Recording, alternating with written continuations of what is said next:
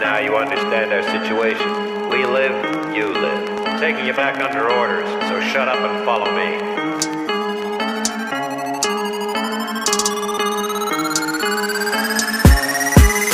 Don't like me. I don't give a shit like me. Oke, selamat datang lagi podcast ngantur bersama saya Diadianto dan kali ini juga ditemenin teman-teman lawas gitu pokoknya. Ada Jali asli, Cuk. Raffi Tapi Saya Bang Kornet. jenengmu sapa Ndek gendeng? Deh, Bang Kornet. Ruli Kornet. Ruli Kornet dan ini narasumber utama DE Jawa. jeneng asli apa jeneng Jenenge jeneng pasaranmu. jeneng pasarane nek jeneng asli ku Priyo Priyo Susanto Priyo Susanto sing ning Instagrammu sing mau gawe marketing sapa? Marketing Instagram. Oh, Instagram. Nama Instagrammu nama Instagramnya Sun Art San Work. Art. Nyapa aku ngundang Nah, mun jago njek soalé dhek iki iso dibilang apa ya? Pelaku dunia seni karena eh, salah satu hasil karyane dhek Tapi bohong. salah satu hasil karyane sampai diapresiasi ke luar negeri. Kau ndi Dil negarane? Sing wong Eh, Eropa terakhir. kebanyakan wong Eropa. Oh, wong Eropa. Kan gak akeh wong sing iso hasil karyanya sampai itu pulang luar negeri kan. Nah, wis suwi ya ada gak petuk cek ngumpul ngene iki. Banget dong. Banget. Paling enek. paling dari eh. Wis telung tahun gitu ya. ya si jini kuwi duwe kesibukan di dhewe Iya. karo kadang enek sesi combonge kaya cakil bareng iki Kayak cakil gateli aja. sesi combonge pokoknya Bang. Nek lah mungkin lagi asine wis suwi. Sadar kadang ora. Nah, aksine episode pertama pengen ngejak awakmu Dil, cuma berhubung enek kesibukan sing gak iso di anu lah gak iso kayak kesempatan. Ki awale tertarik ing dunia seni piye Dil om ceritane? Iso enek income Kapan mulai kapan? nek iku mulai aku kerja nang kerjaanku sing biyen ke tahun pira 2016 ning 2000 re 2015 2016an Zaman anu ke neng Surabaya ke? Durung Kung. bare ning ning anu ning Orang- kandang jaran Ora ora ning arane biyen kerjaanku kandang Oh iya iya ro ro ro iya iya iya. Perusahaan duit. Perusahaan isi ulang ATM berarti. siap Ya mulai kok kono mulai serius ya. eh akhir aku mulai ngrasakne bosen kerja pokoknya Bu, gak teli gak gak ada lipo. Liane wong-wong nyambut. Oh, gak wong-wong nyane nyambut gawe kan milih sing normal-normal wong biasane, oh, maksudnya ning pabrik ning kantor. pe- penghasilan Oh, alasanmu menyerusi ki apa Ndit Mas? Apa kamu kerja ngono kuwi gak nyaman apa duduk filmmu ngono-ngono. sijine kuwi pertama aku ya kaya ngrasakne selama iki aku lulus sekolah terus kerja Rasane pengen kuliah gak di duit Lah, bisa kuliah tapi yo gak tenanan lah kowe. Kayak sapa?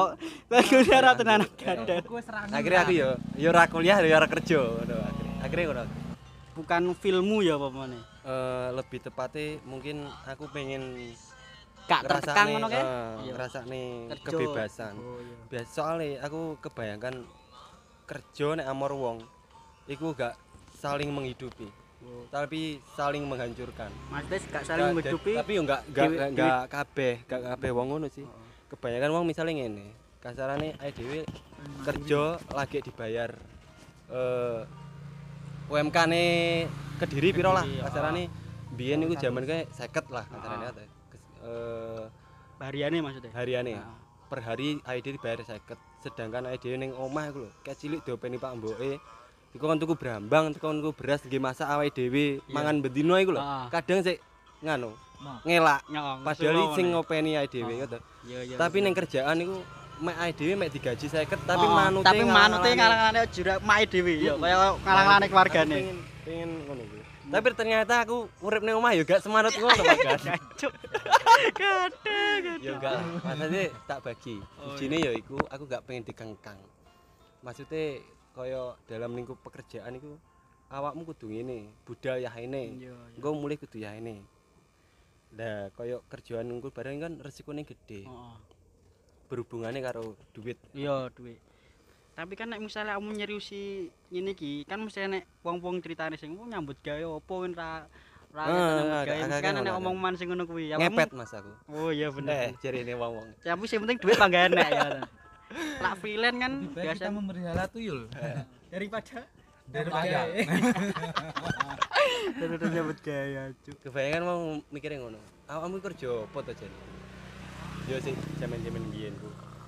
lagi masalah hasil salah satu hasil karyamu sing anu ke marketingmu piye? Sampai iso dikenal neng maksudnya neng dunia luar apa gara-gara melu komunitas apa? Heeh. masalah. Jadi aku pertama mulai serius terjun gambar ki asine yo pengen ya apa ya ngomongnya kayak aku ki duwe basic gambar. Ah, terus aku pengen duwe kanca-kanca gambar. Ternyata ning komunitas. salah salah siji kota Kediri kene ono mana komunitas. Komunitas gak usah disebut ning komunitas lah. Ah pokoknya iya, enek lah komunitas Ah. komunitas wong sangar-sangar. Tapi komunitas wi berturut membantu neng karir Heeh, tapi. banget. Aku belajar mulai dari apa ya istilahnya nol lah mengenal gambar kuwi ah. apa? Karakter gambar iki piye? Tapi kan lek mbiyen mulai kot SMP kan basicmu gambar kan wis pancen wis enek. Iya gambar. Lek menurutmu Eh. koyo aku ngene kan nul masalah seni ngene. iso. Gambar koyo pengen koyo awakmu ngene apa kudu belajar tenanan lagi? Iso apa bakat alam sing pengaruh Nggak- banyak nggak perlu. saiki serba digitaling lah nek zamane mungkin IDW eh pokoknya iso mencapai titik tertentu iku mesti IDW seneng dhisik Heeh, kudu menikmati kuwi. Hmm, menikmati menikmati kuwi. Lah nek dhewe wis gak seneng kepeksa ya padha aku aku mau kokon kerja mau. Heeh. Mergo aku gak seneng kerja. Hmm. Tapi seneng Duit yo? Gak seneng kerja tapi seneng duit. Terus aku nemu kuwi. Terus Nemu akhirnya- dalanku. Oh, aku kudu ngene. Aku seneng ngene iki tak jalani. Alhamdulillah pertama iku gak nyongko aku. Eh iseng-isengan gambar ternyata enek wong londo, Londo. wong luar. Terutama. komen neng iku neng Instagram. Iya, ngechat aku. Oh, Dek, ngechat. Terus aku di di kontak. Intine aku tertarik DE tertarik ambek gambarku, DE alhamdulillah aku nalika zaman kuwi ngluwi saka bayaran iku kerja selama satu bulan. Cuk, wis satu kali project kuwi. Mm-mm, satu. Su- Makanya aku eh tenanan oh gak sih. Heeh. Tapi gak nyongko lah bisa Gak, gak nyongko aku. Gak nyongko dan gak durung ke- gak kepikiran durung, kok kono ya? dur- durung kepikiran kono. Ternyata asik mendalami kuwi sampai aku biyen ku kerja pomo kerjaku seminggu iku mlebu limang dino, kadang aku mek mlebu sedino. Heeh. Gara-gara gambar. Gara-gara gambar Ngebot aku- nih gambarmu. Hmm, Tapi sejene kuwi aku yo pengen dipecat. Oh, Soalnya aku biyen alasan biyen pomo arep resign bareng iku durung kontrake sik anu. Jadi piye ampre aku di kerjaku elek ditokne. Ampre aku Nek iso njupuk ijazah mengundurkan barang diri, mengundurkan diri kan kamu kan oleh anek terikat kontrak kuwi Heeh, tapi lah pihak kalau sing ngetokne kan kamu gak kebebanan Iya. kontrak kuwi. Tapi malah jenengku elek ning Kediri, Cuk. Golek kerja nangis saiki. Masa Saiki butuh ngundur rapi. tapi yo piye? sip ta. Tapi jarang wong duwe pemikiran kayak awakmu ning ngene iki. Bahkan- Goblok aja sampai lah. Gak kan gak sembarang wong Hmm. koyo wong koyo Sujiwo Tejo kan ketoke goblok tapi kan malah pinter duwe Hmm, ya nek malah tahir arah kerja ya budayawan seni ane wong seni-seni seniman iki mesti nyentrik deh seniman iku kan. pola pikirnya gak padha karo wong normal-normal ngene-ngene lah. teli. Gak teli Pokoknya aku pesen, Cuk. Sepomo iki sing urungane cawe itu. Ah. Wis sampai kowe rabi wong seniman. seniman Mesti we. Mesti we ra nganu, pomo ditinggal angel nek wis kadung kelet wong seniman. Wis angel arep cah seniman kuwi arep napa-napa pengen nganu gak pengen ngedo tinggal. dhek. Oh. Tenanan ra ngembus aku.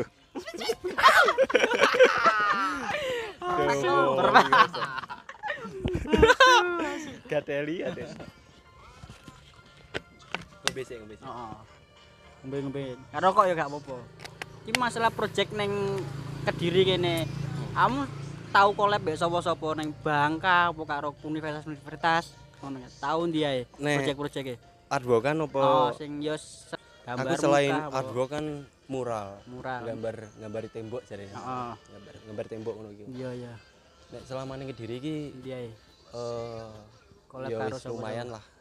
Distro-distro ya kebanyakan distro. Jadi awakmu ngajokne dis- ngajokne gambar ning distro-distro ngono kuwi. Enggak, kono sing golek ya. Oh, golek aku. Aku mau aku golek kono. Duit malah moro berarti. Marang golek ya awakmu. Yo ngene kok. Aku yo piye ya. Malas aku. Malas aku sombong niki aku. Kali wong-wong iki golek dhuwit moro ning ning nggon dhuwit terus absen jeglek pektune dok kono aku malah nang omah gambar dhuwit moro dhewe malah. Tapi saking gobloknya aku saiki ya. Engko engko pembahasan terakhir. Oh iya iya oke. oke. Intine Tapi kan akeh yo koyo distro distro distro. distro Iso nyebut nih gak apa-apa nyebutnya ae. distro ning bam bam art art popo jeneng lali aku wis Ah. so kae. Terus karo Karo ndi yo. Sing tak elingi enek loro nek gak telu. ah, tapi Lali aku. gambar kafe-kafe barang oke. Nah, nek kafe-kafe akeh. Kafe, no, contohnya neng Jojo Cafe, Jojo Cafe iki nggone kancaku dhewe ya Iya, ning iya, ning Jojo Cafe. Bagol sing duwe Firman Heeh. dek Jojo Cafe. Wih cah sangar wis duwe. Cah sangar tenan Ah. aku wis cah sangar. Kapan-kapan ganti awakmu man, tenang ya. Eh man, tak anteni tak rungokne. Tak anteni, Man. Karo nganu jabuti kelek. Kuwi oke oke oke masuk masuk. Dan terus gambarmu sing dituku distro kuwi kisaran tok ya. Lah nek ning lokalan iku Ah. gak iso Mas dhewe. Mantok pasaran. rego ngono gak iso. Enggak. Kaya nggo rego sing se- sebanding karo kerjane ae dhewe. Hmm. Asline yo gak kerjane gak abot sing gambar. Sing abot iku konsep pemikirannya Iya, ae dhewe. Sing Soalnya kan dibayar larang kuwi. Ben gambar kan gak podo kan awakmu Mm-mm, gambar. Dan gambar ngono kuwi kan gak kudu misalnya gak mood gambar dipaksane gak iso Gak Bang. iso, Gak gak iso. Aku mau dikorone. Makane padha kaya balik ade kaya cerita sing awal mau. Ah. Kayak masalah kerja barang. Mbuh yo mbuh aku karaktere wonge ngono ki mbuh nganu gak gak, paham aku. Nah, Durung lah ya seka, mbah, pokoknya. oh, sekali gambarmu ngono kuwi batuhne waktu pirang dino untuk gambar satu kali gambaran ngono kae. Tergantung Rumit detail ya, kerumitan, kerumitan detailnya. Hmm, Sing sing suwi memang konsep sih. konsepnya. Konsep ide kudu bener-bener mateng. Hmm. Ya siku mau. Eh ilustrasi nih ceritane gambar iku sing Wah, nek ceritane setiap karyamu setiap ceritane. karya Dek. Oke, bagi teman-teman sing ngrungokne podcast iki, sing pengen ngerti hasil karyane Sindil iso ndelok nang Instagram nang di Instagrame Sun Instagrame Artwork triple tiga. Sun Art Artwork Sun Art underscore board ya. enggak enggak Sun underscore S A N underscore A R T W O R K. W O R W K. O R K. Oke, oke, oke. Oh, iso dicek nang kono. Sing pengen ngerti hasil karyane Cindil dan sapa ngerti anek sing pengen collab kerjasama karo Cindil Oh iya iki gambar. aku nganu tak doli kabeh Mas karya-karya aku saiki ah. aku butuh tanggal tanggal lahiran anakku. Anake anak sing ming telu ya arep lahiran iki. Ben pengen ngerti. Ori- originalnya wah akeh Mas originalnya sampean butuh-butuh. Iya. Oke, sapa-sapa sing temen sing pengen delok karya seni ini apa pengen collab monggo ae. Kontak DE nang Sun Art Board Triple triple tiga. Oke oke. Ini masalah hasilmu sing iki nominal tentang hasilmu sing neng luar negeri guys sing dituku wong Swedia sing anu neng ndak ndak upload nang Instagram. Oh, sing ning Swedia iku original Gambar karya tangan. original. Gambar Karya tangan. originale di kertas Canson ukuran nek ning kene iki ukuran piro ya? A3 A4 A2 A3 A2 A2. gede Mas Oh gede. Hmm. Ini gambar tangan detail Gambar tangan tangan ya. manual. Asu asu keren. Kuwi regone ning kene dikirim ning kono larang dikirim ning Larang ngirim ning kono. Hmm. Jadi Tapi- pomo regone ning kene telu ning Ah. kono ngirim tok lho iso sampai 6 ning 7. Wih. Tapi biaya kirimnya di kokono. Enggak no. Enggak. Enggak. Aku wis mateng mat. Oh iya di- dibantu biaya biaya kirimnya tapi cuma. Sebagian, Hmm. pirang persen dia ditanggung kono. Iya. Oh iya iya. Tapi kamu biyen-biyen tak ndelok storymu sering nato barang to ya, duwe studio tuh tato Iya, barang iya, aku omah ya. sempet sempet Sempet. pokoknya aku gambar kabeh tak. Ayahi. Terus akhirnya gendeng dhewe kan. Tapi mlaku kabeh. ya alhamdulillah asline Alhamdulillah. mlaku, cuma ya mlakune tardir. Target. Enggak Tapi- koyo sefokus sebenarnya kudu fokus salah siji tapi sih. tapi kan gambar neng tangan kan medianya kan gak podo karo neng kertas karo neng tangan. Hmm.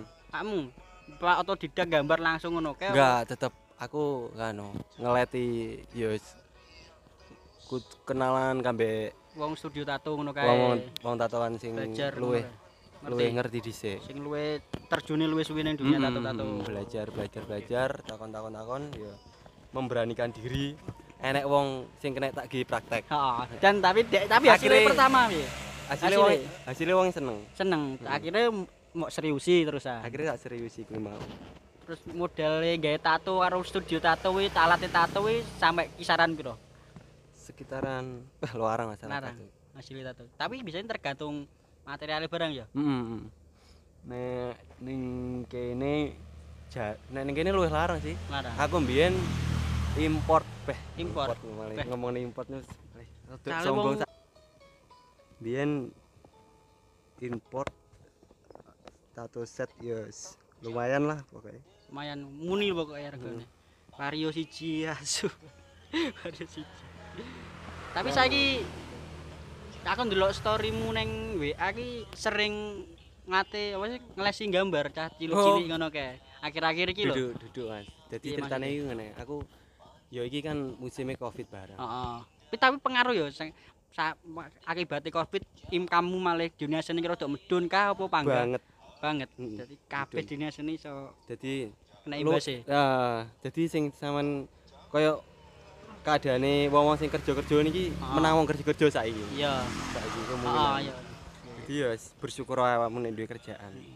Ojo sampai menyia-nyiakan pekerjaanmu demi sesuatu yang kamu oh nek arani ya. Impi-impikan. Eh, ya Lecuk enggak. rungono pokoke Demi apa? Nafsu ya, dhewe nafsu. Aduh, buru-buru. Gambar ya nafsu. Oh, nafsu ya. Hmm.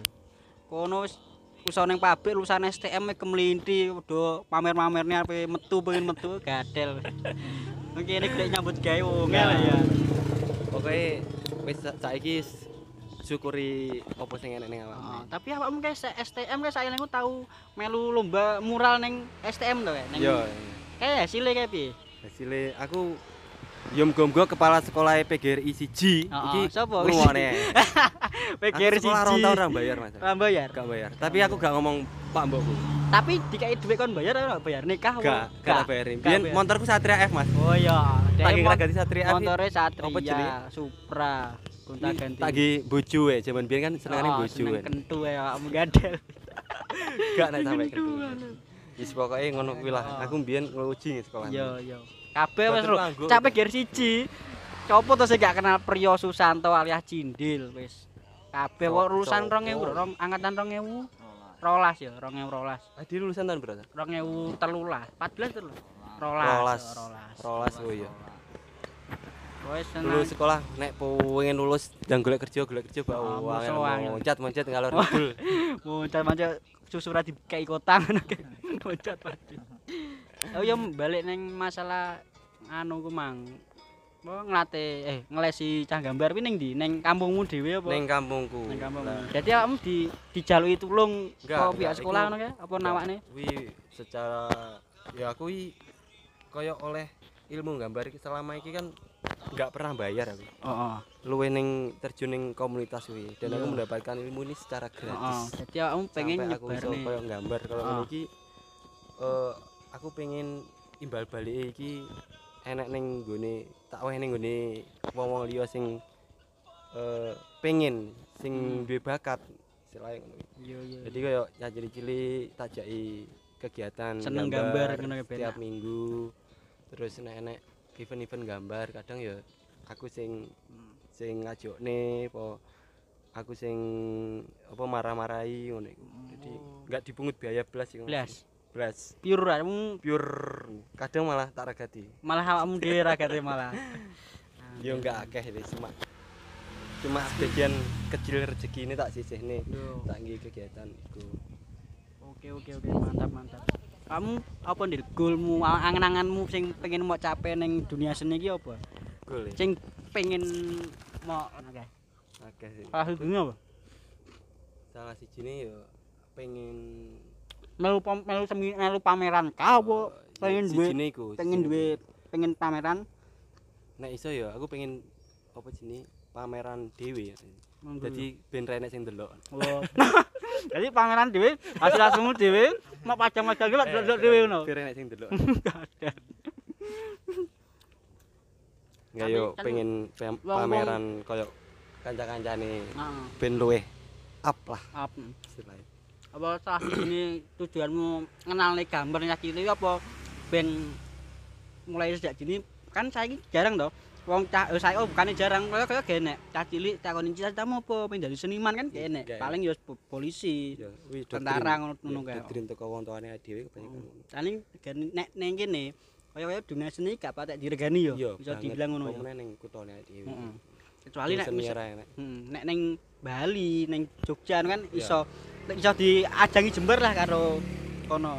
Wis muga-muga iki yo pemerintah barang iki ngrungokne Heeh. tadi. Tadi Jog pemerintah.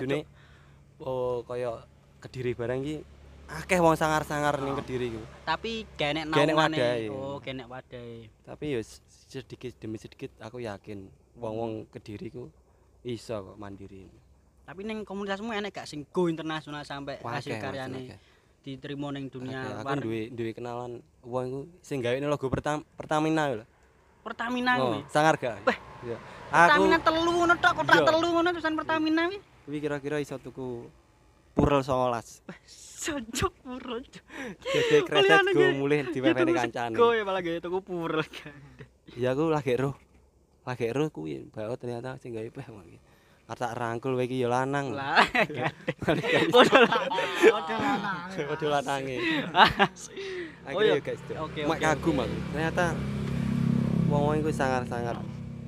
Aku sadurunge matur suwun sing pengalaman sing oke iki karena pengalamanmu ki patut untuk di dirungokne wong banyak soalnya kan inspiratif lek bagiku lho ya. Nek bagimu ngomong gak inspiratif yo karepmu cuk sing gawe podcast aku. kok. Iya, masuk bener. Yang penting kan kene berkarya sih, kayak inspirasi, kayak inspirasi, ngudene awakmu terinspirasi alhamdulillah lek gak ya sak karepmu, urip-uripmu dhewe. Iki di luar Totonan dhewe Ah, ora tonton dhewe. Aja ndelok podcast, ojo ngrungokne podcast tok ae gadel. Kerja ngono lho. Eh, kerja pokoknya nyambut gawe. Nyambut gawe Don't like me.